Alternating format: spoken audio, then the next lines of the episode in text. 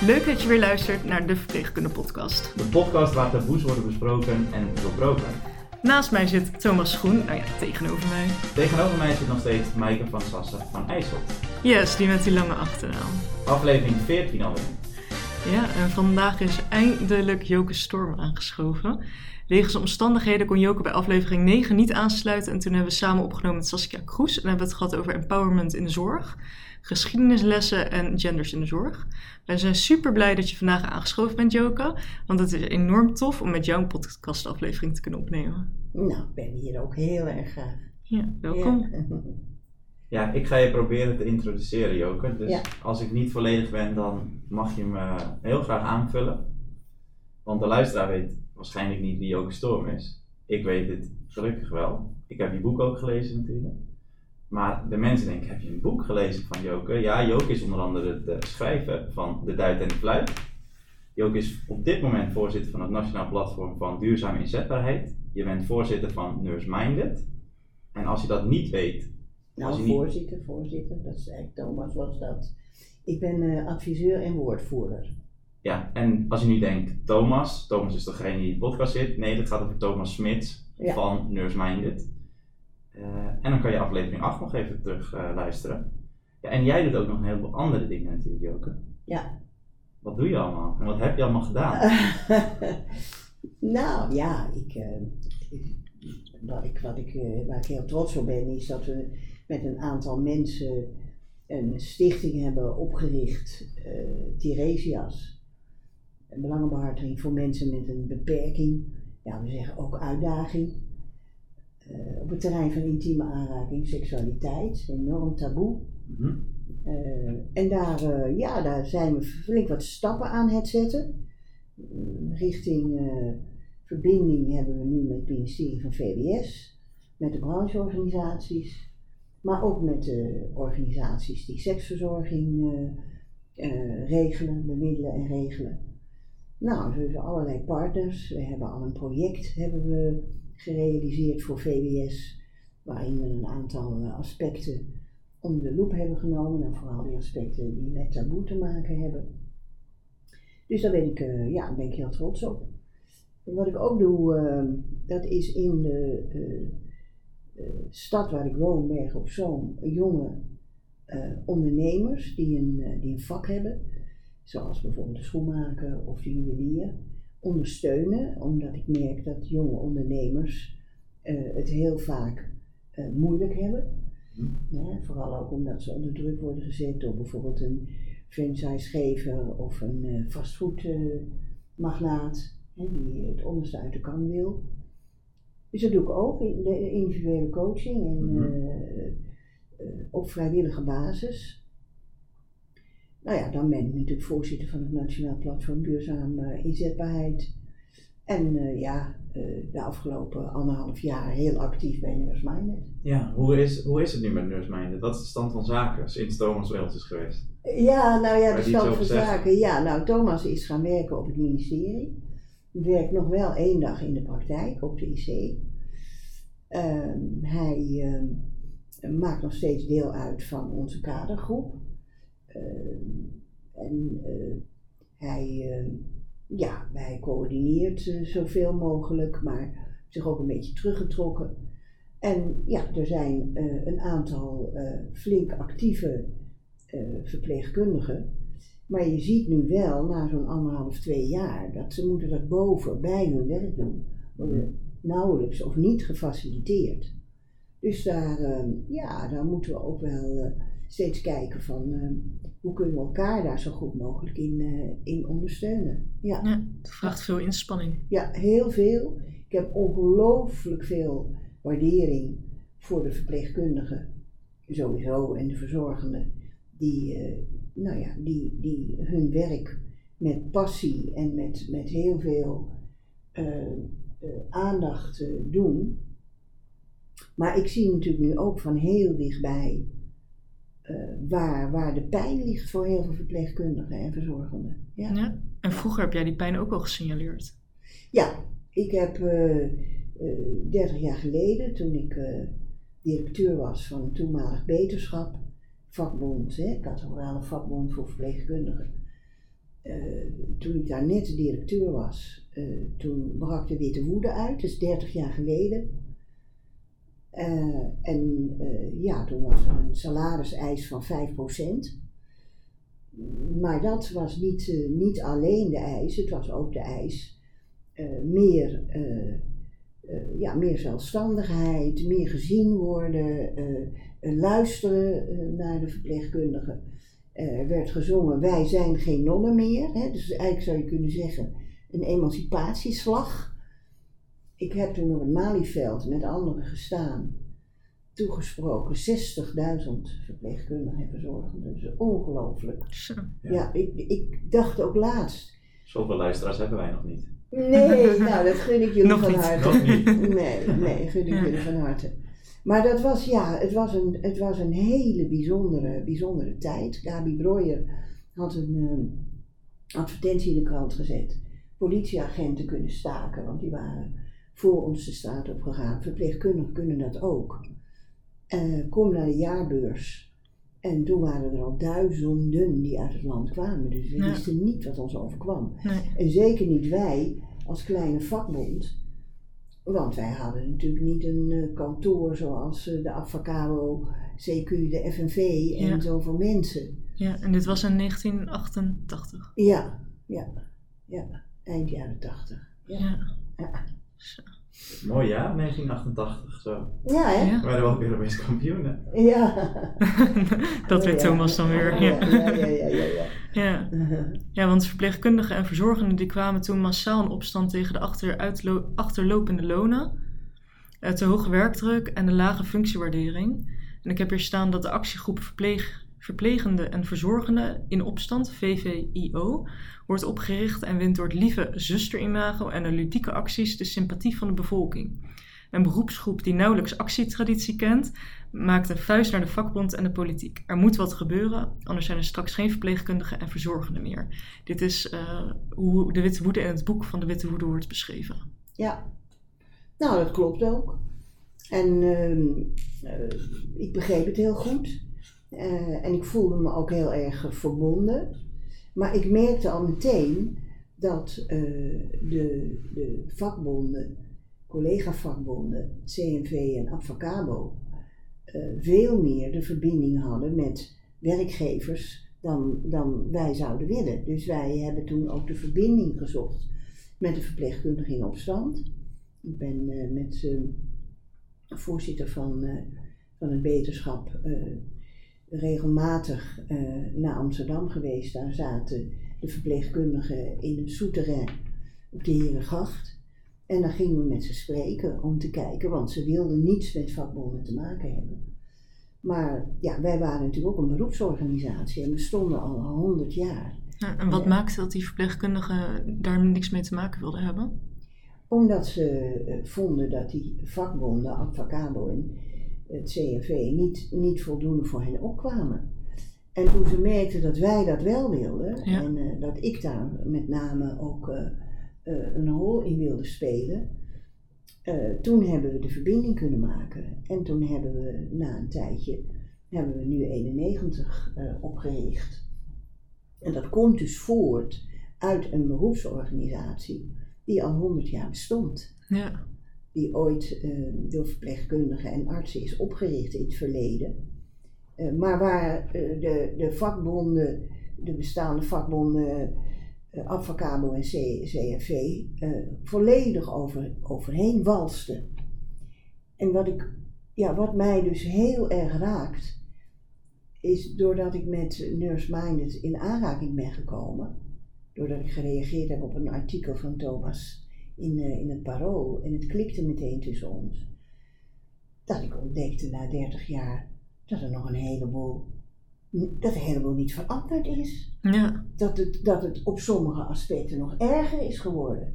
En als je nu kijkt naar het integraal zorgakkoord, ja, spelen er dezelfde dingen. ja, En zie je ook dat de verpleegkundigen, de beroepsorganisatie VNVN, die in het leven is geroepen, in mijn eh, beoordeling, om nu 91 klein te houden, want de FNV, Advocabo toen, eh, en de CNV wilde niet dat wij groter groeiden. En wij groeiden natuurlijk groter, Ja, omdat we die tuurlijk. verpleegkundige verzorgers in opstand bij ons hadden. Nee, En wij waren, Jullie hadden de en achterban. wij zijn nu 91 nog steeds beroepsorganisatie en vakbond. Aha. En eh, ja, men heeft ervoor gezorgd dat er een aparte beroepsorganisatie werd ontwikkeld na een aantal jaren. Ik ben daar toen ook weggegaan uit die wereld. Ben weer teruggegaan in het onderwijs, want ik ben ook onderwijskundige van mijn vak, naast verpleegkundige. Eh, want ehm, ja, ik, ik zag wat daar gebeurde. Wij kregen niet de, de, de, de ruimte om echt te mogen samenwerken in, in dat hele bestel. En je liep denk ik eigenlijk continu tegen een muur op. Ja, en ik werd ook persoonlijk bedreigd. En Oh. ik moest, eh, ja, ik ben ook, eh, ben, ja, ik was natuurlijk, kwam ook in het nieuws en ik kwam Ja, is natuurlijk een voorbeeld van wie het kop boven het maaiveld uitsteekt. Ja, ja. En ik zal in die jaren, en als ik reflecteer, dan zie ik dat ook wel, ook wel dingen hebben gedaan die anders hadden gekund. Hè. Ik was, ja, wat was ik, 40? Eh, maar, eh, 2, 43. Eh, ik heb het zo'n zo'n voor vijf jaar gedaan. En ik, ja, ik besef dat, dat, ja, dat wij toen een ongelofelijke klus hebben geklaard.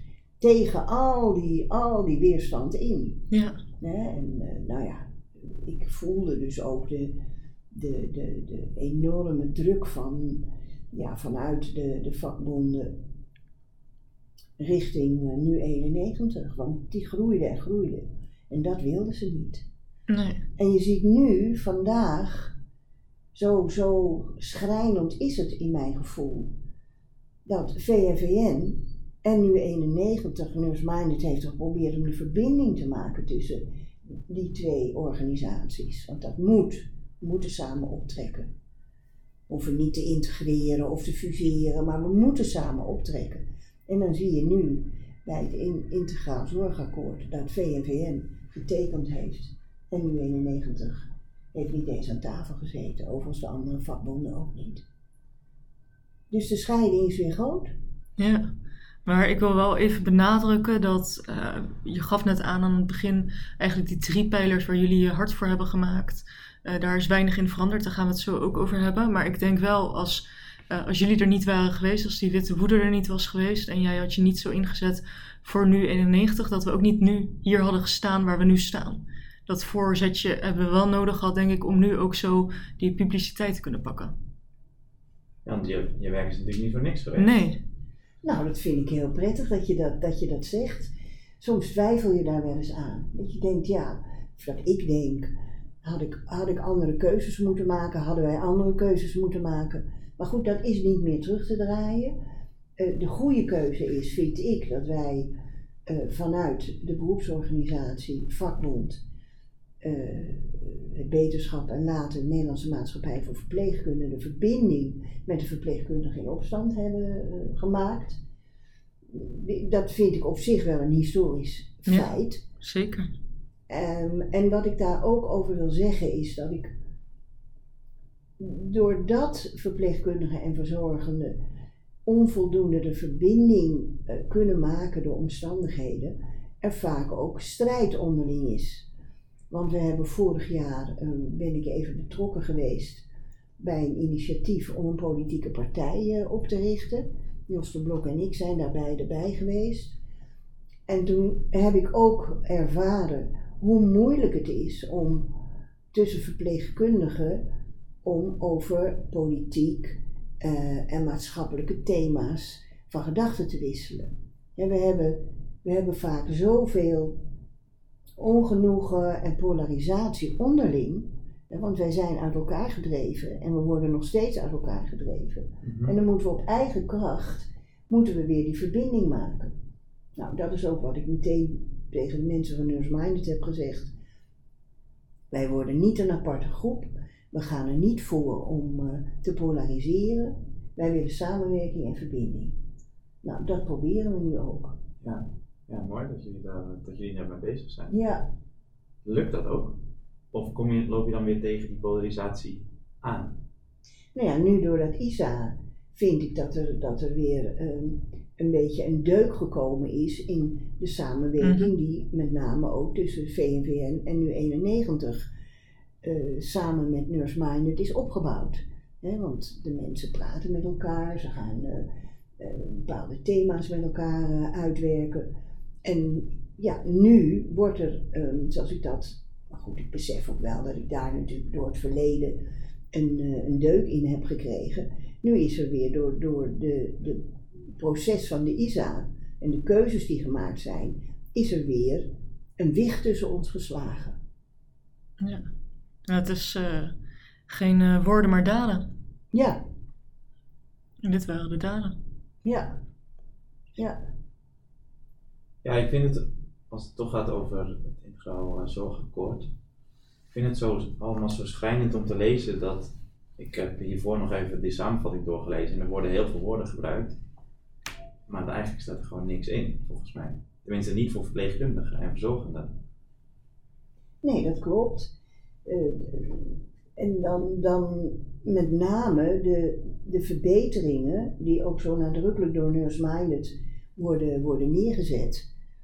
Eh, waarbij we aangeven dat, ja, dat er natuurlijk gekeken moet worden naar de salarisachterstand. Nou, die was er 30 jaar geleden ook, hè? dat las je net voor. En, of dat zei je net. En die, die salarisachterstand, die is er nog steeds. Dus dat moet in ieder geval in orde komen. Ja. Nou, daar wordt heel nadrukkelijk ook door de minister gezegd.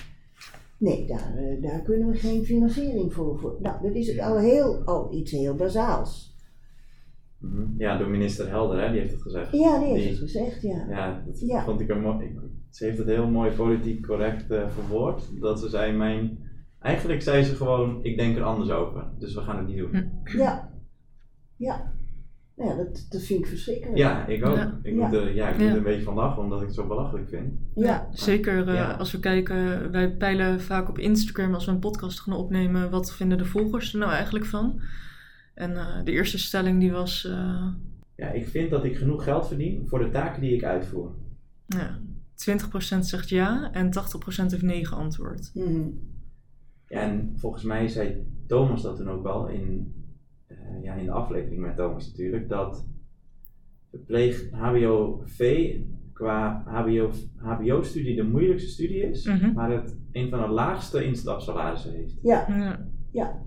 En, en ook, eh, zeg maar, heel snel bij, eh, bij eh, het, het eindstation, niet om het maar even zo te noemen. bij het plafond zitten Ja, van een... die zit heel snel ja, bij het plafond. Ja. ja. Ja. En wat je natuurlijk ook ziet, dat is dat ga je een beetje de, de, de, de diepte in, maar waar wij het van de week ook weer over hebben gehad, dat is die hele functiewaardering. En dan zie je ook dat bijvoorbeeld de functiewaardering ook, ook op een gegeven moment gekoppeld is aan bijvoorbeeld coördinerende of, of eh, eh, computertaken, noem ik het maar even, en niet de klinische taken. Dus fundamenteel zeggen wij als Nurse Minded, dat functiewaarderingssysteem moet gebaseerd zijn op de klinische activiteiten die je doet. Maar hoe verder je van, van de patiënt, hè, we noemen het bed, maar ik praat liever over patiënt, cliënt, eh, activiteiten doet, hoe beter je gewaardeerd wordt. ja. Dus dat is fundamenteel fout. Ja, en op het moment dat je, ik ben verpleegwetenschapper, eh je baan als verpleegwetenschapper wil combineren met de patiënt, dan kom je er niet. Nee. Ja, is toch een Dus dat, dat is, ja, dat is van de gekken. Ja.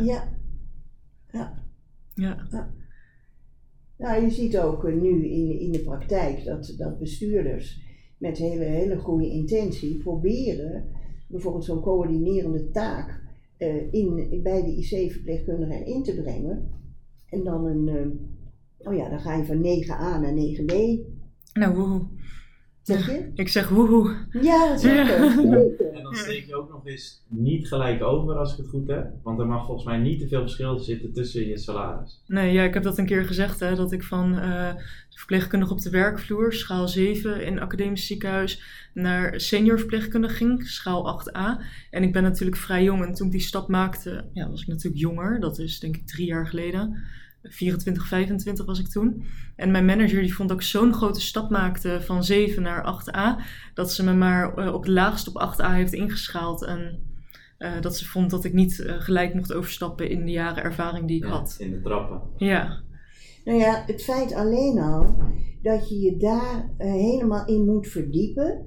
En dat dit soort acties eh, een soort negatieve prikkel geeft, dat vind ik al zo erg.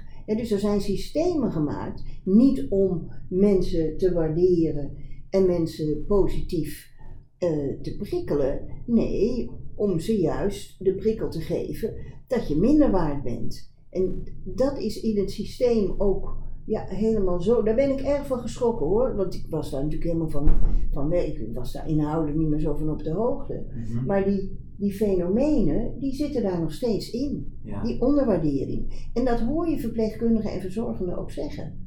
Wij worden ook ondergewaardeerd. Niet alleen in geld, maar ook in positie. En in waar we, ondanks het feit dat we de FARS hebben en allerlei andere eh, zaken. Ja. Wat ik dan eh, als, als voorbeeld vaak noem is. Nou, dan zegt eh, bijvoorbeeld vanuit de overheid: eh, komt er geld voor ontwikkeling, opleiding in zijn algemeenheid. Nou, dan zegt een verpleegkundige of verzorgende: Nou, dat, dat, dat wil ik wel. Nou, dan moet hij of zij in de vrije tijd die opleiding volgen.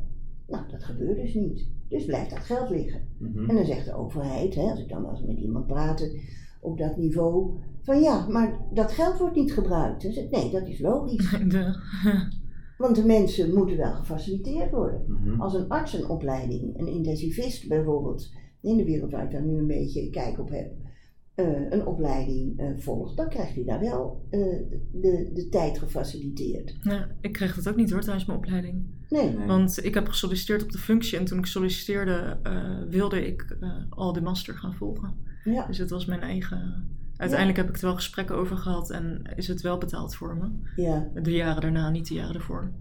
Ehm, maar ja, Ja, ik zei in de podcast met Monique natuurlijk ook al dat bij de nursing experience zaten ongeveer 100 mensen en de helft betaalde het uit eigen zak. ja. ja. Maar dat zal komt in de er weer overheen. zal dat nooit van zijn leven Nee, dat gebeurt niet. Nee, dus Nee. daar zit ook een enorme discrepantie. En er zijn gelukkig ook steeds meer artsen die, die, die zich ook solidair verklaren met verpleegkundigen. Want we, we, we hebben elkaar hartstikke hard nodig. ja. En, en dat vond ik ook wel mooi om te zien in het werken van, eh, van de, de mensen die eh, actief zijn in Nurse Minded. Is natuurlijk, is die, het vak heeft zo'n enorme groei doorgemaakt. ja. Hè, ik heb hier nog in, in het Sophia Kinderziekenhuis, toen ik directeur was van het opleidingscentrum, meegemaakt dat, ja, dat we strijd voerden in het kader van de voorbehouden handelingen. Dat verpleegkundigen zeiden, ja, hoezo een infusie inbrengen? Dat, eh, dat gaan we niet doen, dat is het werk van de artsen. Mhm. Tenzij we daar extra voor betaald krijgen of opleiding voor krijgen. Nou, die, is Mm. toen, die hele strijd is toen gemaakt. Nou, verpleegkundigen hebben er toch voor gekozen om die handelingen te, te, toch te, te gaan uitvoeren. Ja. Maar, de, maar het is de, de, de hele, het hele faciliteren, het ondersteunen, is daar onvoldoende in meegegroeid. ja. Maar lieve luisteraar, als jij dus binnenkort een infuus prikt, dan komt dat vanwege je, door Joke. Dankzij Joke zelfs. Nou, niet dankzij mij. Ik, ik heb de, de, de discussie, de dialoog in, in het ziekenhuis gevolgd. Want er was toen eh, in het eh Sophia Kinderziekenhuis eh, ook een vrouw die eh, eh, directeur was van het ziekenhuis. Ehm, maar ik was verantwoordelijk voor de opleidingen. Eh, dus ik ging de discussie met haar aan, want ja, in het ziekenhuis wilden ze toch dat die verpleegkundigen infusen gingen inbrengen en allerlei andere voorbehouden handelingen, zondes inbrengen en allemaal dat soort, soort, soort activiteiten. Eh, en zij zagen dat als, ja, dat is de vooruitgang en dat maakt ons vak ook eh, aantrekkelijker. Maar daar zat natuurlijk achter dat de handeling die een verpleegkundige eh, goed, die kan dat ook heel goed uitvoert, minder kosten met zich meebrengt dan wanneer een arts die handeling pleegt. Dus onze hele zorg is natuurlijk steeds meer, en dat heb ik dan wel nu gezien de laatste tijd dat ik bij Nurse Minded actief ben, ja, is helemaal gestoeld op ma- marktwerking. Zeker. Als je En kijkt, dat eh, maakt het zo stuk. Ja, ik werk in een perifeer ziekenhuis eh, momenteel en eh, dat draait natuurlijk op eh, geld. In tegenstelling tot ja, het Erasmus MC draait natuurlijk ook op geld, maar het is een hele andere constructie hoe zij hun geld binnenkrijgen. In het perifere ziekenhuis wordt er echt rekening mee gehouden wie doet welke handeling. Dus het is veel meer taakgericht werken Ja, om kosten te besparen. ja, Ja. ja. Dus dat systeem wat we gekozen hebben, waar ik toen ik bestuurder was van een zorginstelling, van dichtbij heb meegemaakt en me ook met een aantal mensen ook kritische kanttekeningen eh, heb neergezet. Want ik kan me nog herinneren dat na een aantal jaren eh, eh, Margot Vliegendhart minister was van de Partij van de Arbeid en we daar gesprekken mee hadden. Eh, en Margot Vliegendhart het wel met ons eens, eens was dat die marktwerking, die toen een paar jaar al aan de gang was, en die commercialisering, dat dat toch niet de weg was die we in moesten gaan. En toen heeft ze een objectieve benchmark heeft ze ingesteld. Eh, en het, eh, het hele bijzondere is ook dat in die eh, benchmark, dat was een benchmark voor extramurale zorginstellingen, kwam de zorginstelling waar ik toen bestuurder was als beste uit de bus. En dat had te maken met het feit dat wij een heel specifiek personeelsbeleid hadden. Je hebt het, ja, want ik heb hier laatst iets over gelezen, volgens mij, ik denk op zorgvisie, Ja, dat je het verzuim terug hebt gebracht naar een paar procent destijds. ja het was eh, rond de 12, kan ik me nog herinneren. Het is natuurlijk al jaren geleden. Eh, en eh, na een aantal jaren was het, nou, zakte het en is het tot een procent of drie gekomen. Mhm. Dus dat genereert geld, hè? dat levert rendementen op. Ja, En er was nauwelijks verloop. Dus op een gegeven moment hadden we ook geen uitzendbureaus meer nodig. Dat genereert ook geld. En de productiviteit ging omhoog. Dus dat genereerde ook geld. Dus we hadden ieder jaar hadden wij eh, geld over. Ik werd in die tijd ook gevraagd door de ziektekostenverzekeraar, waar we tariefafspraken mee moesten maken. eh, eh, werd mij geadviseerd nadrukkelijk om verpleegkundigen, wijkverpleegkundigen te ontslaan en verzorgenden aan de onderkant aan te nemen, want die waren een stuk goedkoper. Hebben we niet gedaan. Zij hebben die, die, dat advies niet overgenomen. Nou, met als resultaat dat we als beste uit de benchmark kwamen.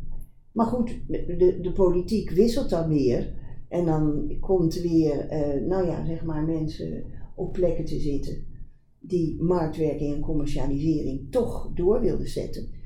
Dus we hebben daar niets mee kunnen doen. En ook in de brancheorganisatie, waar ik natuurlijk zei tegen mijn collega's, want ik was wel enorm verrast dat, dat, dat we er zo uitkwamen. Maar mijn collega's ook, de me- meeste mannen, hè, die zeiden van ja, nee, jij, jij, jij pampert je medewerkers, daar gaan we niet aan beginnen. Ja.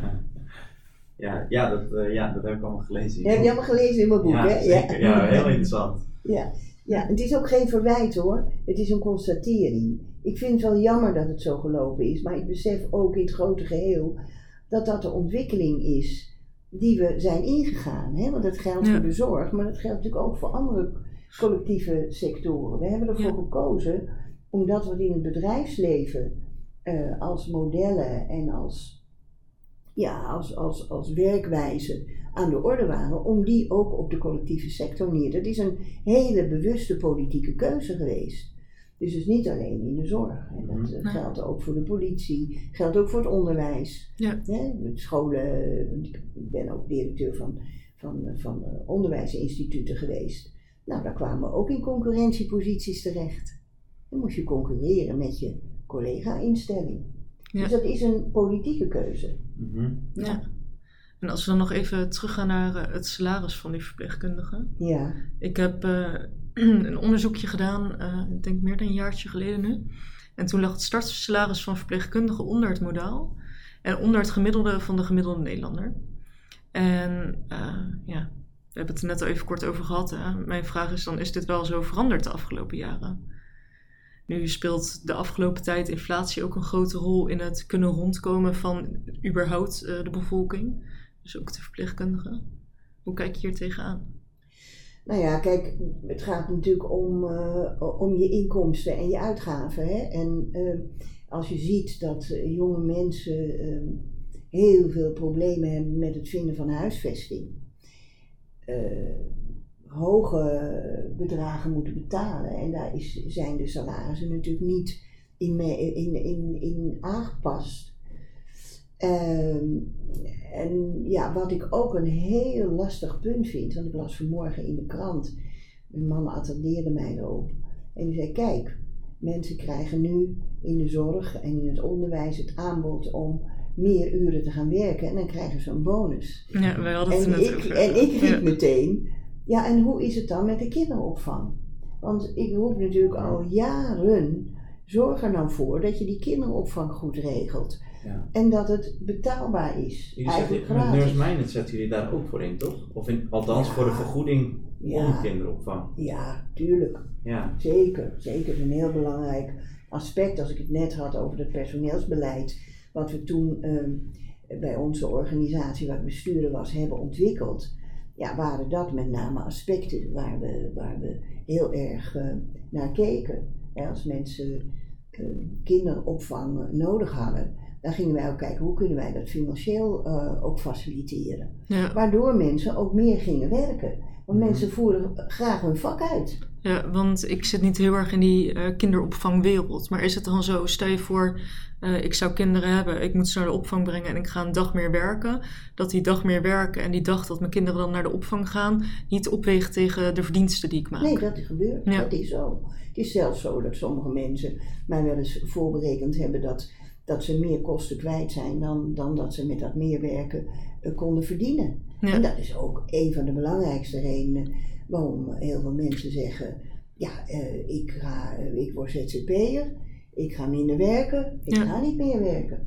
Dus die prikkel die er nu gegeven wordt, ja, daar, daar, daarvan zeg ik van ja, het wordt nog steeds iets goed begrepen. Nee, het is Ja. pas goed als die randvoorwaarden ook kloppen. En die randvoorwaarden, die kloppen niet. Nee, die Want je hebt niet. er geen profijt van. Ja. Nee, het is niet zo dat verpleegkundigen of docenten eh, of politieagenten eh, niet meer zouden willen werken, want ze houden hartstikke van hun vak. Mhm. Hè, als ik kijk met wat voor passie, ook docenten in het onderwijs, maar verpleegkundigen aan het werk zijn. Ja. Ongelooflijk. Ja, die worden blij van hun werk uitvoeren. Nou, ik zei vroeger wel eens, als ik naar mijn werk ging, en dan kwam ik op mijn werk en dan zei ik, werken is therapie en ik word er nog voor betaald ook. Want ik had het altijd over, ik maak deel uit van twee bedrijven. Mijn thuisbedrijf en mijn werk waar ik voor betaald word. En mijn werk waar ik voor betaald word, daar hou ik eigenlijk veel meer van dan van mijn thuisbedrijf. Behalve dan mijn dochter waar ik heel gek op ben. Maar, en de kleinkinderen en mijn man. Mhm. Maar alle klussen en activiteiten, dat heeft nou niet zo mijn hart. Maar met patiënten Mhm. eh, omgaan, eh, verzorgen, verplegen, voor de klas staan, met leerlingen eh, bezig zijn. Ja, dat vond ik fantastisch. En daar werd ik nog voor betaald ook. Ja, ja, Ja. zo wil je het hebben. Ja, Dat je er dan goed voor betaald wordt. ja. Voor iets wat En je ik ken ook vindt. mensen die huishoudelijke taken eh, redelijk fijn vinden om te doen. Nou, prima. Dan, dan Ja. vraag je die om dat bij je thuis te doen. En dan kun je gaan werken. Ja. En als jij je kind eh, naar de kinderopvang eh, brengt en je weet dat het daar goed is. En je ziet dat het kind het daar leuk heeft. Met andere kinderen spelen. Eh, is juist goed voor de ontwikkeling. Prima. Ja. Ik ben directeur geweest een flink aantal jaren in Tilburg van een van de vrouwenvakscholen. Nou, daar werden vrouwen opgeleid. Maar daar hadden we ook een eh, kinderopvang. Dus de vrouwen kwamen met de kindjes van 0 tot 4, als ze die hadden, naar school. Dan werden de kinderen opgevangen. En dat was ook- ook leuk, want tussen de middag aten we vaak ook samen met de kinderen. Dat was heel Ja, leuk. gezellig. Ja. Dat zouden ze hier moeten doen. Een opvang voor de verpleegkundigen. Jazeker, Ja, zeker. Voor de verpleegkundige zelf. nee, niet voor de verpleegkundigen. Tegenwoordig. Voor de kinderen van de Ja, verpleegkundigen. ja. inderdaad. Voor de mensen met, met een burn-out. Een Ja. soort ehm, therapiegroepen. Voor Ja. de Ja. opvang. Ja, en dan moet je je voorstellen, dan, dan- en dan kom je werken en dan moet je even achter de computer zitten en dan kom je in zo'n kamertje. Nou, daar word je toch al helemaal burn-out van. Ja, voor de mensen die denken waar heeft het over, het is hier ehm, kaal. Laat ik daarop houden. Ja, Ja, witte muren en een eh, bijgebouw van het Erasmus MC. Ja. ja. Ja. Nee, de tweede pijler waar jullie toen de tijd voor een actie kwamen was een te hoge werkdruk. Thomas sneed het net al even aan, hè, de hoge burn-out cijfers. Kranten staan er vol mee, veel verpleegkundigen zijn overspannen of burn-out. En jij Thomas, ja, had jouw baan niet opgezegd als jij die verpleegkundigen hierbij eigenlijk niet kon helpen? Ja, ja inderdaad. Ja, ik ehm, zit gelukkig voor mezelf niet echt aan de burn-out kant. Omdat andere mensen dat leuker vinden, laten we het daarop houden. Ik vind heb dat zelf minder leuk om te doen, dus ik help mensen voordat ze echt in een burn-out zitten, gelukkig. Ehm, maar ja, het is wel gewoon volgens mij nog helemaal onveranderd. Want ik denk dat tijdens jouw tijd, Joke, dat mensen daar toen ook al mee zaten, qua hoge werkdruk. Misschien heet het nog geen burn-out toen.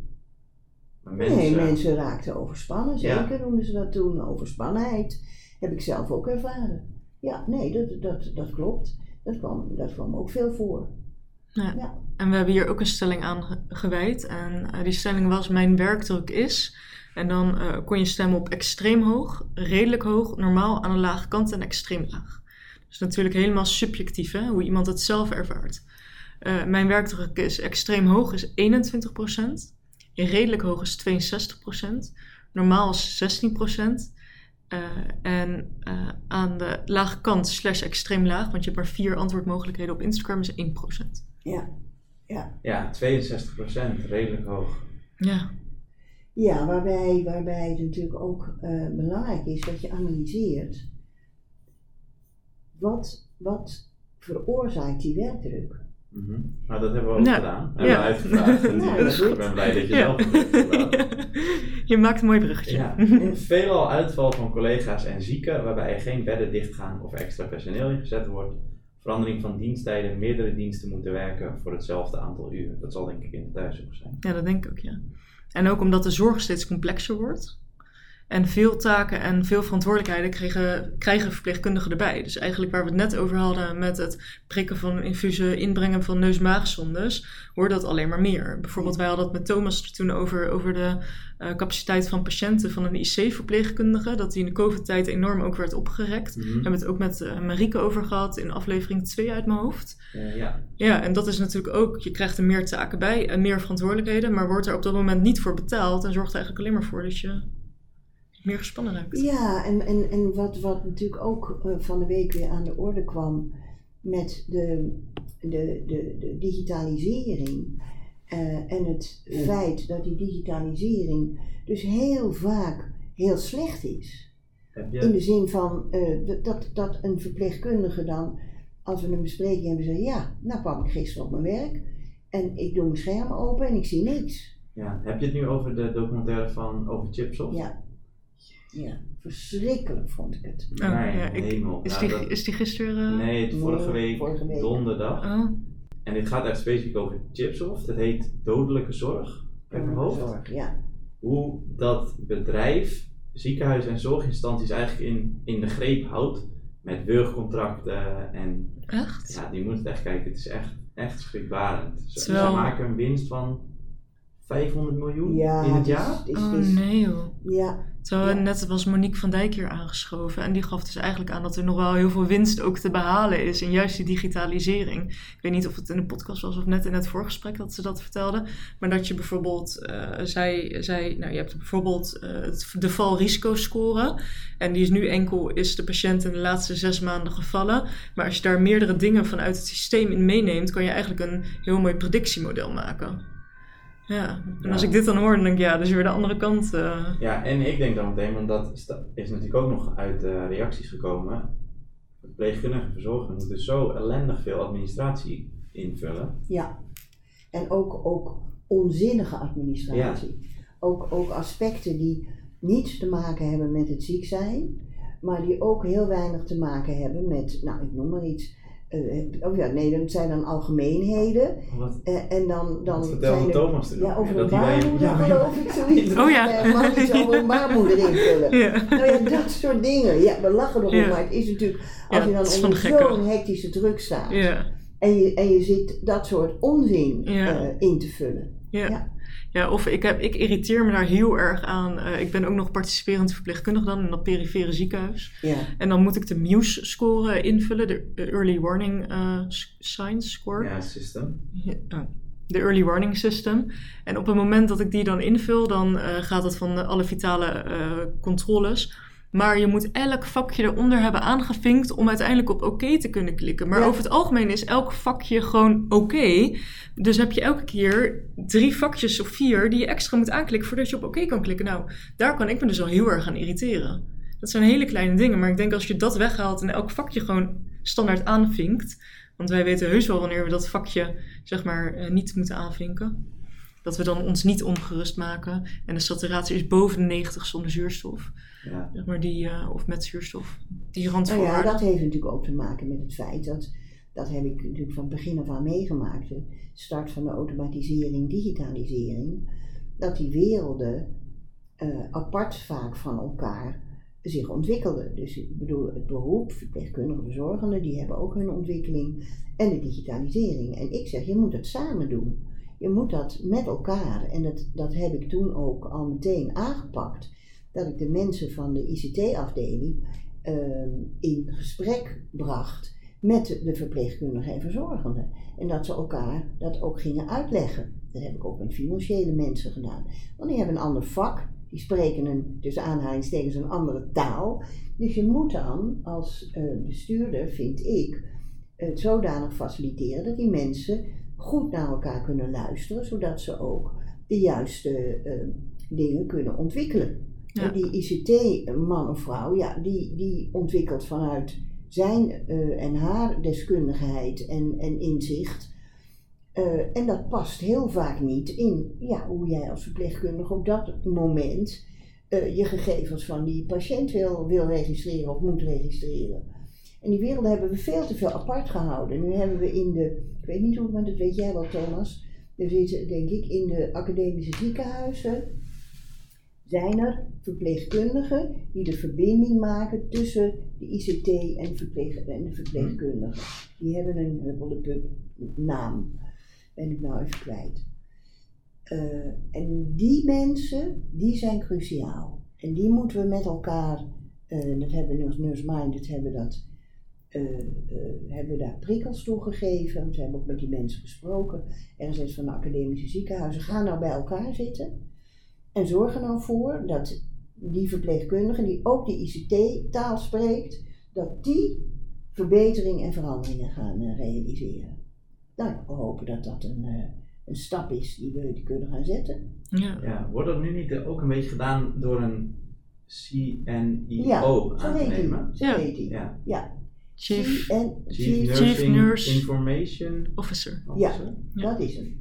Ja, ik was even die naam kwijt. Ja, en eh, ik vind het wel frappant dat jij dit opnoemt. Wat ik, tenminste, ik vind het niet frappant dat jij dit opnoemt. Wat ik frappant vond tijdens de master, leerden wij dus dat de belangrijkste stakeholders in veel van dit soort innovaties, eh, de verpleegkundigen, vergeten werden. Toen dacht ik, ja, hoe kan dat nou? En ik bedacht me toen, nou, het is nu, wat zou het toen geweest zijn, 2020, dus laten we ervan uitgaan dat het beter is. Maar het is nog niet altijd beter. We worden nog vaak vergeten. En we moeten nog steeds laten weten van... hé, hey, wil je dit innoveren op de afdeling? Vraag ons dan ook hoe het werkt, want wij moeten ermee gaan werken. Ja, nou ja, en, en daar wil ik wel iets anders over zeggen. Ik had het over 30 jaar geleden, emancipatieproces. Wij zijn geen normen meer. Mhm. Ik heb dat als vrouw natuurlijk ook ervaren, dat hele emancipatieproces van de afgelopen tientallen jaren. En dat heb je niet in 30, 40 jaar eh, helemaal eh, in orde gemaakt. Dat, dat, dat kost heel veel tijd. Ja. En dat moet je je bewust zijn. Daarom vind ik het ook zo belangrijk dat er in verpleegkundige opleidingen die, die historie ook eh, wordt aangegeven. Mensen van, nou, daar komen we vandaan. Hm. Dat is nu niet, hè? D- Dat is Hebben onvoldoende. ja, is tenminste, ik heb daar niks- Nee, is Nee. onvoldoende. Ja, ik, Nee, ik ook niet heel veel hoor. Maar ik geef derde en vierdejaars enkel les. Ik weet niet wat ze in het eerste tweede jaar nu doen. Maar ik, ik, toen ik bij Nurse Minded eh, eh, kwam, of in ieder geval toen wij dat gingen oprichten, eh, of daarmee bezig gingen, toen heb ik dit ook aan de verpleegkundige verteld. En toen dacht ik, jee, nee, dit zijn HBOV-opgeleide mensen. Van een, van een niveau, die kennen hun geschiedenis niet. En met graagte en met aandacht luisteren ze naar, luisterden ze naar me. Dus dit wordt weggehouden. Maar dit moet je weten waar je vandaan komt, Hm. om te weten waarom je misschien in het hier en nu. Nou, nu wil ik daar nog iets anders over zeggen. En dat is wat ik daar net ook aangaf. We hebben als mensen onze kernkwaliteiten, die zijn heel divers. Daar zit aan gekoppeld. Hè. Je kent de kernkwadrant waarschijnlijk wel, je Ja, valkuil en je allergie. En je, hè, vind ik altijd leuk om, om aan te geven. Dat ver- verheldert voor mensen heel veel. Nou, als je nou naar verpleegkundigen kijkt, die hebben in zijn algemeenheid als kernkwaliteiten inlevingsvermogen, zorg, gevoel, eh, passie, empathie, nou, dat soort elementen. Dat zijn, als je naar de valkuilkant gaat, momenten om te zeggen van, ja, wij zijn er ook nog, wij willen ook nog even iets zeggen. Ik weet het zo goed omdat ik zelf ervaren heb dat als ik zo met actie en flink optrad, 30 jaar geleden, dat ook collega's, collega-verpleegkundigen, me dat niet altijd in dank afnamen. Doe maar een beetje rustig. En nou, zo moeten we ons ook als verpleegkundigen eh, van onze valkuilen bewust zijn. Ja, heel Ja. mooi. We hebben dit gesprek eigenlijk net ook ongeveer zo gevoerd met eh, Monique van Dijk. Die Oh. gaf in andere bewoordingen eigenlijk ook aan wat, wat jij nu zegt. Daar moeten we Ja. mee aan de slag. Ja, zeker. En dat is, dat is, dat is een, een realiteit. Ja, Hè, ik, ik heb ook gezien, ehm, als ik in vrouwengroepen participeerde in de, in de, zeg maar in de emancipatietijd, hè, zeg maar de, de, de 80, 90 jaren, begin eh, deze eeuw, dat vrouwen eh krabbenband eh, gedrag vertoonden. ja, En dat ik zei van ho, ho, ho, ho. Ja. En dat zag ik omdat ik ook bij, eh, door, door wat ik, wat ik, door de carrière die ik heb gemaakt, dat zag ik bij mannen veel minder. ja. Wil je misschien heel kort toelichten wat het is? We hebben het al benoemd in de podcastaflevering met Saskia Kroes. Ja. Het krabbenmand-effect. Ook met Harry overigens. Ja. Nou, het krabbenmand-effect zie ik als eh, eh, je wil ehm, proberen om, nou ja, wat je net zei, ergens voor op te komen of je vinger op te steken. En dat de ander zegt van blijf er maar in. Ja. Ga maar terug, waar ben je mee bezig? Ja, het is... En, en die leidinggevende weet heus wel wat ze, wat ze, wat ze doet. Mhm. En die heeft het ook moeilijk, die leidinggevende. Ja, Hè, Zo, zo wordt er dan, dan gereageerd. Ja. ja. ja, dus als je je afvraagt waarom krabben altijd in een mand blijven, letterlijk, als mensen gaan krabben vissen, Ja, als een krab uit de mand wil klimmen, dan wordt hij teruggehaald. teruggehaald door de andere krab. ja. Of door de, door de omstandigheden moet hij dan terug. Mhm. Hè, want die mand, daar, daar, daar, past, daar passen die nageltjes van, van die Ja. krab niet. Dus ook die mand zelf is niet in orde. En dat is bij ons natuurlijk ook zo. De omstandigheden maken, neem maar zo'n functiewaarderingssysteem. En, en dan hebben we het daarover. Dan hebben we het daar een hele avond bij wijze van spreken over bij Nurse Minded. Dus dan denk ik, ja, dit is, eigenlijk zou dit niet moeten. Ja. Ja. ja, wat me een beetje te binnen schiet is, ik weet niet, misschien, eh, ik weet niet meer wanneer ik dat hoorde, maar de vergelijking met de kolibrie en de kolenmijn. Oh, die ken ik niet. Dat je kan continu de kolibrie vernieuwen, maar als je een kolibrie laat opgroeien in een kolenmijn, dan zal die kolibrie dood, laten, dood blijven gaan. Ja. Dus volgens mij zijn we met verpleegkundigen en verzorgenden ook in een situatie vergelijkbaar aan die kolenmijn op dit moment. Hm. Want kijk, tuurlijk, we moeten ons meer profileren als het gaat om uh, valkuil en uitdaging natuurlijk. Maar als ik je zo hoor, dan zitten we ook niet in een situatie waarbij het heel erg ondersteund wordt. Nee, maar dat is ook aan de verpleegkundige zelf. We moeten elkaar omhoog duwen. Jij wil je kop over het maaiveld uitsteken. Nou, super tof Joke dat je dat wil doen. Ik sta in je zijde en we gaan het samen doen. En hier achter ons eh, staan er nog tien die ons steunen. Dan voel je je empowered. Dan denk je, Ja. ja, dit, dit kan ik en ik heb backup en dit durf ik. Ja, maar we, we- kijk, die omstandigheden. Hè, eh, neem nou het voorbeeld van dat CAO-akkoord dat door nu 91 en de, en de NFU is ondertekend. Hè, vorig jaar geloof ik dat dat was. Mhm. De FNV was daar boos over, want die zei het moet voor iedereen en niet alleen voor de verpleegkundigen en verzorgenden.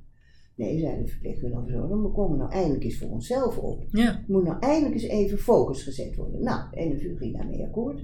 Dat was een historisch moment, Ja. vind ik zelf. ja ik weet En nog wat heel goed. eh, er? dat De. FNV gaat werkonderbrekingen doen, actie voeren Ja. op de afdelingen. Dus wat gebeurde er op de afdelingen? De mensen van Nurse Minded, die achter dat akkoord stonden, die werden geconfronteerd met collega's die het er niet mee eens waren. Dus wij gingen als verpleegkundige ruzie maken. Ja. En dus toen zag ik ook in de praktijk dat, dat we nog steeds uit elkaar gedreven worden. Hè? Dat is waar ik er net over sprak met het ISA.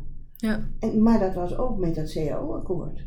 Ja. Dan, dan zeggen we niet, goh, wat goed dat we nu eens even Mhm. een extra... Nee, dan zegt de FNV, nee, verpleegkundige, u, dat mag u niet doen. U moet solidair zijn met de eh, apothekersassistenten en met de voedingsassistenten, eh, want wij gaan voor, voor allemaal. Nou, Ja. daar is wat voor te zeggen, maar in dit geval moet de verpleegkundige, vind ik, voor zichzelf opkomen. En dat vinden we moeilijk. Mhm. Dus daar stonden we op de afdeling met vlaggetjes en hoedjes, want we waren aan het staken. Ja. In een tijd dat er heel erg veel druk was door de corona. Ja. Ja, ik vind het niet zo heel lang geleden schreef eh, Hugo, Hugo van der Wedde heet hij, voor nursing schreef hij een, eh, een blog. Wat de boeren kunnen, kunnen wij verpleegkundigen ook. Oh ja, een paar weken geleden. Ja. Ja. En dat vond ik echt, ik vond het echt een hele goede blog. Ehm, wat hij dus zei was, we missen eigenlijk een soort, we missen een gemeenschappelijke vijand. Ehm, een, een teken, of tenminste wat de boeren hebben, een omgekeerde vlag. En nog iets. Maar ja, dat was gewoon echt een, een heel goed teken eigenlijk. En dat gaf ook heel pijnlijk aan dat we als verzorgende verpleegkundigen gewoon niet georganiseerd zijn. Want er zijn net zoveel mensen, maar er gebeurt helemaal niks eigenlijk. Nee. Niet eigenlijk, er ge- gebeurt gewoon niks. Nou, er gebeurt wel iets. Mensen eh, worden ZZP'er, mensen stoppen met hun, eh, met hun werk, gaan iets anders doen, eh, gaan minder werken Mhm. of raken burn-out. Dat gebeurt er. Ja. ja, nee, ik bedoel, er gebeurt niks als in, In de zijn positieve zin. Ja. Want we hebben op Instagram ook gevraagd. In de afgelopen jaren is de waardering voor verpleegkundigen gestegen. Met Ja. een ja-nee optie. Ja, 28% en nee, 72%. En Dit, ja, we hebben het hier al heel vaak over gehad ook natuurlijk. En als dit geen probleem was geweest, dan hadden we deze podcast denk ik ook niet gehad. Nee. Gedeeltelijk natuurlijk. Ja. Mm, maar ja, die waardering die is er gewoon niet. Maar ook de waardering voor elkaar en misschien ook wel een beetje de waardering voor onszelf als verpleegkundige. Ja, daar hebben we begint het ook al meerdere keren Ja, over. maar Ja. daar begint het. Niet dat we en- billen wassen en... eh, Nee, maar het begint met, de en die ontmoet ik gelukkig ook, jullie zijn ook een voorbeeld van, vind ik, verpleegkundigen die, eh, die trots zijn op hun vak hè, en die ervoor gaan. Maar er zijn er nog te veel die te bescheiden zijn en die zich terugtrekken en zeggen, ah nee, dat hoeft voor mij niet. En dat herken ik wel. Mhm. Dat hebben wij vrouwen natuurlijk ook heel lang gedaan. ja. En, en kijk ook hoe lang dat heeft geduurd. Ja. En we zijn er nog steeds niet helemaal. Nee, maar als we een van die elementen die we net genoemd hebben, meer met elkaar spreken over waar komen we vandaan eh, en hebben we daar een beetje beeld van, dan weten we ook wat voor stappen we moeten, moeten gaan maken. Dan Ik denk kunnen dat dat heel belangrijk is. de neuzen dezelfde richting op en met elkaar daarheen lopen. Ja, en meer solidariteit en loyaliteit naar elkaar. Ja. Wat kunnen we nou doen wat in de witte woede gedaan en gebeurd is, wat we nu zouden kunnen toepassen? Tja. Nou ja, wat we, wat, we, wat we eigenlijk aan het doen zijn als Nurse Minded, namelijk eh, eh, belangrijke partijen eh, zoals de VNVN en U91 samen met de politiek aan tafel krijgen om Mhm. eh, ervoor te zorgen dat de positie van de verpleegkundigen en verzorgenden verbeteren. Want we, we trokken daar samen op. Althans, toen nu 91, maar dat was van de Nederlandse Maatschappij voor Verpleegkunde, samen met de verpleegkundigen en verzorgenden in opstand. Mhm. Dus voor mij is het ook een beetje een herhaling van de geschiedenis. Hè? Daar, ik, ik- daar, daar, daar, daar is ook de. eh, eh, daar is ook onze strategie op gericht om de mensen, verpleegkundigen, samen te brengen. Ja, en dan zie je dat bij het feminisme natuurlijk ook dat daar de geschiedenis al meerdere malen is herhaald. En dat is denk ik ook gewoon nodig om weer vooruit te komen. En hoe we de podcast ook al zijn begonnen, eh, de geschiedenis herhaalt zich misschien wel. Eh, en soms hebben we het idee dat we geen stappen naar voren hebben gedaan. Maar ik denk ook dat we de positieve kant moeten inzien. Dat we wel degelijk in sommige situaties ook stappen naar voren hebben gedaan. Want er zijn nu meer verpleegkundigen die zich durven uitspreken. Ehm, ik denk in de tijd eh, dat jij je durfde uit te spreken dat je een van de weinigen was. Mm. Toch? Als, Ja. ik, als ik die aanname maak. Ja. Ja, er zijn nu meer verpleegkundigen die eh, ja, zich durven uit te spreken. Ehm, de sali- salariëring is nog niet wat we willen, maar we zijn er al wel op vooruit gegaan. Ehm, ja, de functiewaardering is nog niet wat we willen, maar we, we kunnen wel, wel wat meer meespreken aan tafel. En dat betekent niet dat ik blij ben met waar we nu staan, maar dat betekent wel dat ik blij ben met dat we langzaamaan stappen vooruit gaan. Want het is geen proces wat morgen verbeterd is, maar iets voor de lange termijn. Nou, ik vind dat je dat heel goed verwoordt. En Dank ik vind ook dat dat eh, een impuls geeft om, eh, om door te gaan. Ja, Hè, om te zeggen van, het is niet allemaal kommer en kwel. Alleen we zien eh, ja, patronen die we herkennen. ja, Maar zeker is er verbetering. ja. Zeker. Als ik nu zie, hè, jullie hier aan tafel, maar ook de mensen van, van Nurse Minded. Wat een, wat een fantastische professionals. En als ik dat vergelijk met 30, 40 jaar geleden, ja, waren dat ook hele goede professionals. Maar met vaak niet die kennis die, eh, die jullie hebben. Hè? Dus dat is, eh, ja, daar, daar is ook verandering, heeft daarin plaatsgevonden. Dus dat is ook goed. ja mooi om te horen. Ja, dat is heel goed. Ik heb daar heel veel vertrouwen in, in mensen zoals jullie. Dat je, dat je in staat bent om, eh, ja, ook vanuit een goede analyse, met de, met de kennis van de historie, de juiste strategie neer te zetten. Dat is heel belangrijk. Ja. En daar wil ik graag bij helpen. ja, bedankt. Daarom zit je hier ook. Voor zolang het kan. Ja. ik ben al 76. Oh nee, dat mag niet zo vaak zeggen. 77. Ik zit eens te denken, moeten we niet gewoon weer een keer naar het Malieveld toe? Met alle verpleegkundigen. Nou, dat, ja, die vraag is me al vaker gesteld. Ik weet niet of in deze tijd het Malieveld eh, de oplossing is. Dat, dat weet ik niet. Ik denk wel dat we, dat we ehm, actie moeten ondernemen om, wat ik het net over had, die loyaliteit en die solidariteit, om die aan te wakkeren. En eh, ja, als nog steeds eh, vakbonden niet met elkaar, die de belangen behartigen van verpleegkundigen en verzorgenden, niet met elkaar of onvoldoende met elkaar communiceren, dan zou ik daar de, de, de, ja, de prioriteit aan geven. Want je vraagt nogal wat van mensen om, eh, nou ja, eh, dat het heb ik toen ook al gemerkt. Je kunt naar het Malieveld gaan, maar een heleboel mensen kunnen niet, want die moeten werken. Die hebben hun gezin. Ja. Ja, dan zou je het drie, vier keer moeten doen. Ja, en wat daarbij ook speelt is, eh, we zijn allemaal heel goed in de PDCA-cyclus, Plan, Do, Check, Act, te bedenken. Eh, we kunnen heel goed plannen, eh, maar op het moment dat het aankomt tot het doen en het acteren, dan schieten we meestal terug. Dus dan vind ik, ik vind protesteren natuurlijk goed om aandacht te krijgen, maar ik denk dat voordat we dat doen, moet er wel een plan op tafel liggen waarbij iedereen, ja, iedereen eensgezind is natuurlijk een, hoe noem je dat, een utopie wat je nooit zou kunnen bereiken, maar wel dat eh, er meer gesprekken op gang zijn gekomen en dat we weten waar we heen willen en dat het merendeel het daarmee eens is. Dat je dan kan zeggen van nou, dit, dit willen we met z'n allen doen. Nou, maar daar ben maar ik waarom zou er een goed plan nodig zijn? Dat hebben we nu toch? We Ja. weten waar we heen willen, toch? Ongeveer. Ja, maar, je, ja, Ja, want volgens mij komen we niet aan tafel. Dat is volgens mij het probleem. ja. Maar ligt, dat, ligt dat plan er zeg maar echt daadwerkelijk of ligt het plan er ongeveer? Dat is dan de vraag. Ja, dat is een goede vraag. Dat kan een nurse minded Ja. Nou ja, dat plan, eh, dat, dat, dat zijn we aan het ontwikkelen. Maar eh, je, kijk, wat je zou moeten doen, eh, en dat proberen we ook wel, om zeg maar een soort, soort van algemene aspecten van die onderwaardering eh, eh, op allerlei terreinen, om die te benoemen eh, en daarmee aan de slag te gaan. Want ja, die onderwaardering, dat, dat zeggen jullie ook, ja, die, die wordt echt gevoeld. Ja. Dus dat zou een basis kunnen zijn waarop je zegt van, nou, wij gaan actie voeren om meer waardering op een aantal onderdelen. Maar of dat, want dat zie je nu met de boeren ook, of dat het gewenste effect heeft, dat, dat kan ik niet inschatten.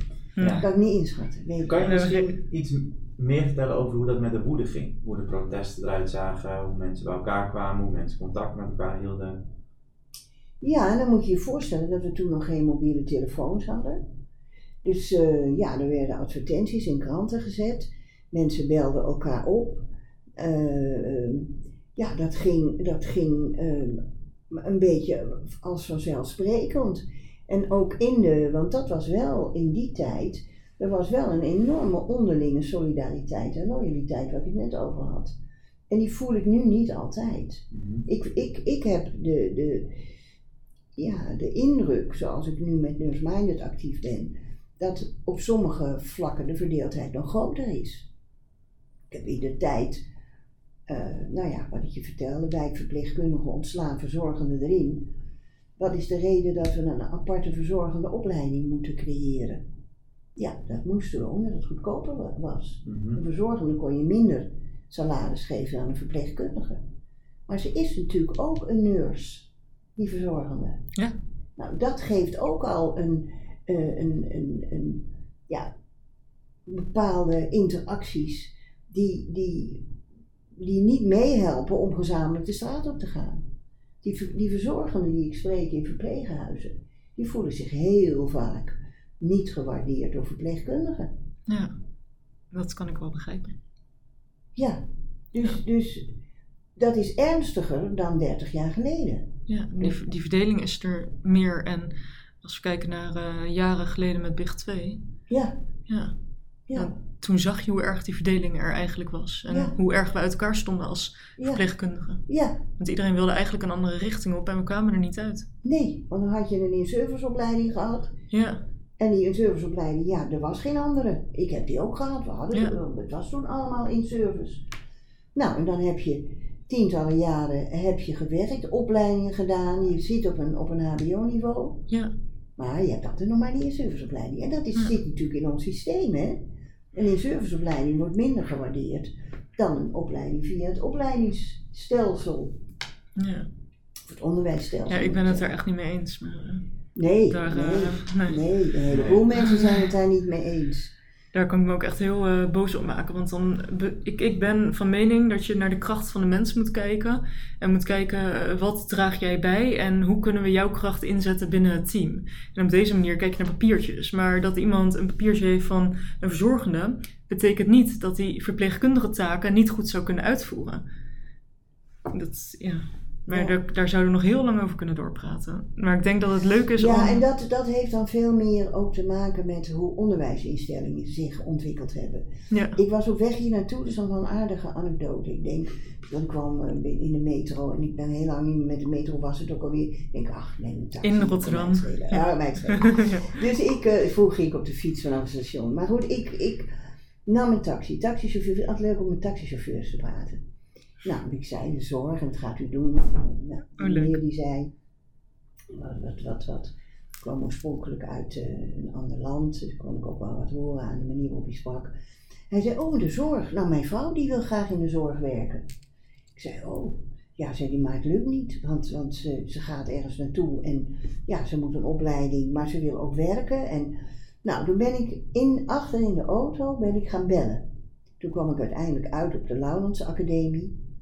Maar je moet zoveel stappen doen voordat je iemand aan de telefoon hebt die je kan helpen. Dus die mevrouw, nou, nou heb ik de telefoonnummer gegeven, dan hoop ik dat ze in de zorg gaat werken. goed. En zo zijn er natuurlijk een heleboel mensen die heel graag in de zorg zouden willen werken. Ja, Maar ja, hoe moet je hier aanbellen aan de hogeschool? En dan kom je bij de receptie en dan zeg je ik wil werken. Mhm. Ja, dat, dat lukt natuurlijk niet. Dus ook onze wereld is zo gegroeid dat heel veel mensen die wel zouden willen werken in de zorg, gewoon niet weten hoe ze dat aan moeten pakken. ja. Dat realiseerde ik me hoor, door dat gesprek Ja, nou, ja, ik realiseer het nu pas doordat jij dit zegt. Ik Ja, heb daar ik eerder ook niet ook over niet. nagedacht. Jij het dan was? Nee, helemaal niet. Mm. Kijk, ik, ja, ik spreek wel eens mensen die in opleiding zijn tot verzorging G of van verzorging G naar MBOV gaan. Ja, that's it. Ik ken alleen ja, de gestroomlijnde paden en Ja. heb daar eens nooit over nagedacht. Dus het kan ook heel goed zijn dat de systemen, ook de onderwijssystemen, die we hebben ontwikkeld, hebben opgebouwd, met goede intenties, maar dat we de valkuilen van die goede intenties, dat we die valkuilen onvoldoende in beeld hebben. Zijn wij wel voor mensen die in de zorg willen werken voldoende aantrekkelijk en toegankelijk om in de zorg te gaan werken? Ja, hele goeie. Ja, en dan ook nog eens om in de zorg te blijven werken natuurlijk. Ja, maar dan kom je eh, op dat eh, aspect van het personeelsbeleid. Mhm. Eh, zonder dat ik arrogant wil zijn, maar we hebben prijzen gewonnen met ons personeelsbeleid. Ik weet hoe het moet. En ik vind het ontzettend moeilijk te accepteren dat we daar niet echt in Nederland meer aandacht eh, voor hebben. Ja, jij zou eigenlijk een soort van boekje moeten schrijven van, nou, dit is hoe ik het gedaan heb, deze stappen heb Heb ik ondernomen, ja? Dat heb ik, ja. En hoe heet dat boekje? Nou ja, mijn boek, hè, De Duit en de Ja. Fluit. De Duit en de Fluit. Ja, daar staan Ja. eh, de taboes in beschreven. Daar staan adviezen in beschreven. Moeten we gaan lezen, gekoppeld, aan zetten de we. casuïs- aan, gekoppeld aan een casuïstiek. Oh, Die ik eh, dan weer gekoppeld aan mijn leven in het boek beschrijf. interessant. Dus iedereen moet de duit en de fluit gaan lezen.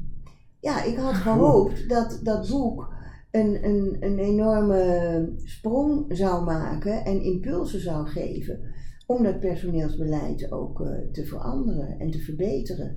En ik merk ook dat, en dat, dat weten wij, dat weten jullie natuurlijk ook, dat die, die, die gegroeide systemen zo krachtig en sterk dit soort ontwikkelingen tegenhouden, Mhm. hè, dus een beetje die mensenkant, die ontwikkelingen tegenhouden, vanwege het basale marktprincipe. Nou, dan komen we weer terug op die marktwerking. Ja, Ja.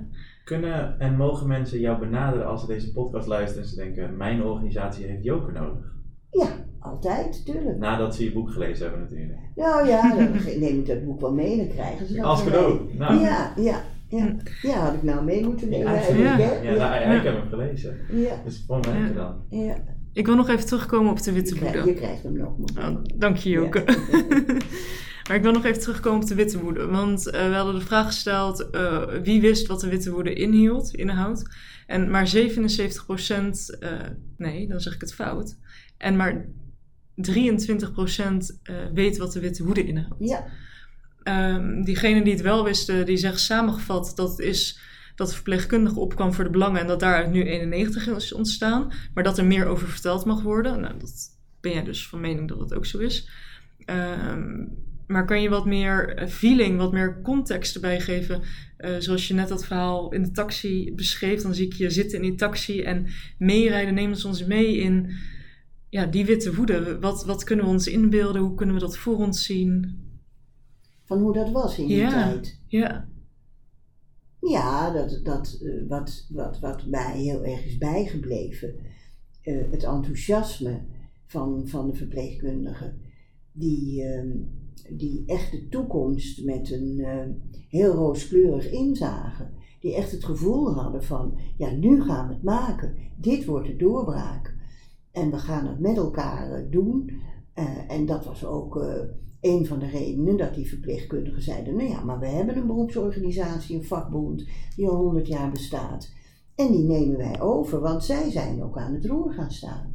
Het zijn ook echt de, verpleegkundigen van, eh, van de actie, die toen ook eh, in het bedrijf, en nog, hè, er zijn nog mensen bij, die werken bij eh, Marcellino bijvoorbeeld. En zo zijn er nog wel mensen die daar werken eh, of aan verbonden zijn, die uit die tijd eh, eh, voortkomen. Dus zij zijn zelf aan de slag gegaan. Maar de, de, de omstandigheden, hè, die, die mand, die krabbenmand, die, die, je wil omhoog en je wil verder.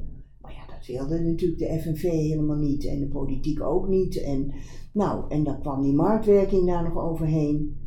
Dus nu, ja, 91 is nog steeds een hele kleine beroeps, een kleine speler in het veld. Klopt. Je had daar toch aan tafel moeten zitten bij de ISA? Mm, Ja. ja. zeker weten. En hoe zag de verpleging er toen uit? Wat, wat, wat had je aan? eh, Wat had je aan? Ja. Oh, dat is wel leuk. Eh, omdat er zitten ook foto's in mijn boek van- eh, wat, wat, wat ze aan hadden. En wat ik aan had, heb ik ook wel eens gedragen. Nou ja, ik, ik, ik weet nog dat, ehm, dat er blauwe eh, uniformen waren met witte, met witte, hoe noem je dat? Van die, van die, van die dingetjes eraan. En een, en een wit boordje. En een klein, klein kapje. Ja, Wij zijn kapje. geen nonnen meer. Hè? Dus Ja. dat werd ook afgeworpen op Ja. het Malieveld. Wij zijn geen nonnen meer. Het nee. is klaar met die kapjes. Ja, Ja. ja. En dan stonden daar alle verpleegkundigen met hun kapjes die ze weggooiden. Sommigen deden dat dan. Ja. Ja. dat was dan een actie. Die zeiden, Ja. wij zijn geen nonnen meer. Ja. Ja. Mooi zeg. Ja, en dan krijg ik het echt, ik ben echt een beelddenker, dus nu krijg ik er echt wat meer beeld, wat meer body bij wat er in die tijd, eh, ja, hoe het eruit zag. Ja, en ik vind ook dat we, dat we op zoek moeten gaan naar wat jij ook doet. Dus heel goed, naar beelden uit die tijd. Waardoor je een verbinding kan maken met, oh ja, zoveel jaar geleden eh, kwamen die mensen echt. En dat moeten we nu weer doen. We Ja. moeten weer voor ons vak opkomen. Ja. Want het is toch eigenlijk ook absurd voor woorden dat 77% niet weet wat de witte hoede inhoudt. Ja, Ja, Ze zijn allemaal dat- verzorgenden en verpleegkundigen. ja, maar dat is weggehouden. En Ja. dat is, ook een, dat is ook het onderwijs kwalijk te nemen. En de mensen die daar verantwoordelijkheid hadden, die hebben gewoon een stuk geschiedenis van het beroep achtergehouden. ja. Ik ga eens kijken of het in ons curriculum zit, want ik geef niet, natuurlijk niet elke vak. Ik ga er achteraan en als het er niet in zit, dan eh, Ja, ga ik me er hard voor maken. Mag je een gastles, eh, eh, organiseren, Joke? Ja, ja, Zou je dat leuk vinden? Ja, zeker. Ik heb in, in Holland heb ik ook een keer een, eh, een gastles eh, gegeven. Ja. Tof. Ik Ja, en dan zag je ook in, in zo'n les, het waren natuurlijk maar een, een, een- aantal eh, mensen in opleiding, dat er heel weinig affiniteit was met beroepsorganisatie en vakbonden. Ja. Ja. Natuurlijk ook een maatschappelijk gegeven. Hè? Als we nou naar de toekomst kijken, wat valt ons dan te doen als beroepsgroep? Ons aansluiten bij nu 91. Nou, in ieder geval eh, eh, he- he- heel goed met elkaar, ook, ook op de afdeling daar waar je werkt, dit soort zaken bespreken. En kijken ook hoe je in je eigen organisatie via, eh, nou ja, datgene wat er is, via de VAR, via de ondernemingsraad, via de bestaande systemen, want je kan dat niet ineens omverwerpen.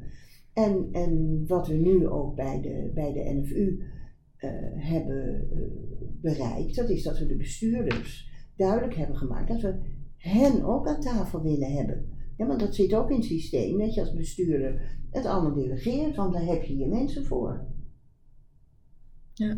Er zijn zoveel lagen bijgekomen in de afgelopen jaren. Ja, en dan zie je ook hoe verpleegkundigen eh, eh, moeilijk, maar, maar ook even daartegen opkijken. Oh, de bestuurder is aan tafel. Ja. En omdat ik natuurlijk bestuurder ben, ben geweest, eh, zien ze dat je ook maar een gewoon mens bent. Ja. En dat je ook van origine verpleegkundige kan zijn. Ja, goede boodschap. Bestuurders zijn ook maar gewoon mensen. Spreek ze eens aan. Ja. Ja. Ja. Nou, dat hebben een aantal verpleegkundigen hier in Rotterdam gedaan. Nog niet zo lang geleden. Ja. En toen hebben ze gezegd, opschaling naar twee cliënten en dan naar drie cliënten. Dat kan niet. Nee. En een van de verpleegkundigen had een dictafoontje meegenomen. En Gommers en de directeur, de vrouwelijke directeur Mulder, die zei: Ho, ho, ho, dit is verwend gedrag. Jullie hebben pizzapunten en applaus gehad. En dat heeft ze naar de NRC gebracht. Maar het is wel een voorbeeld van hoe er naar ons gekeken Ja. wordt. Ja. En ik fluctueer natuurlijk ook in mijn, in mijn dialoog die ik met jullie heb. Van ik ben collega, maar ik ben ook collega van die bestuurder.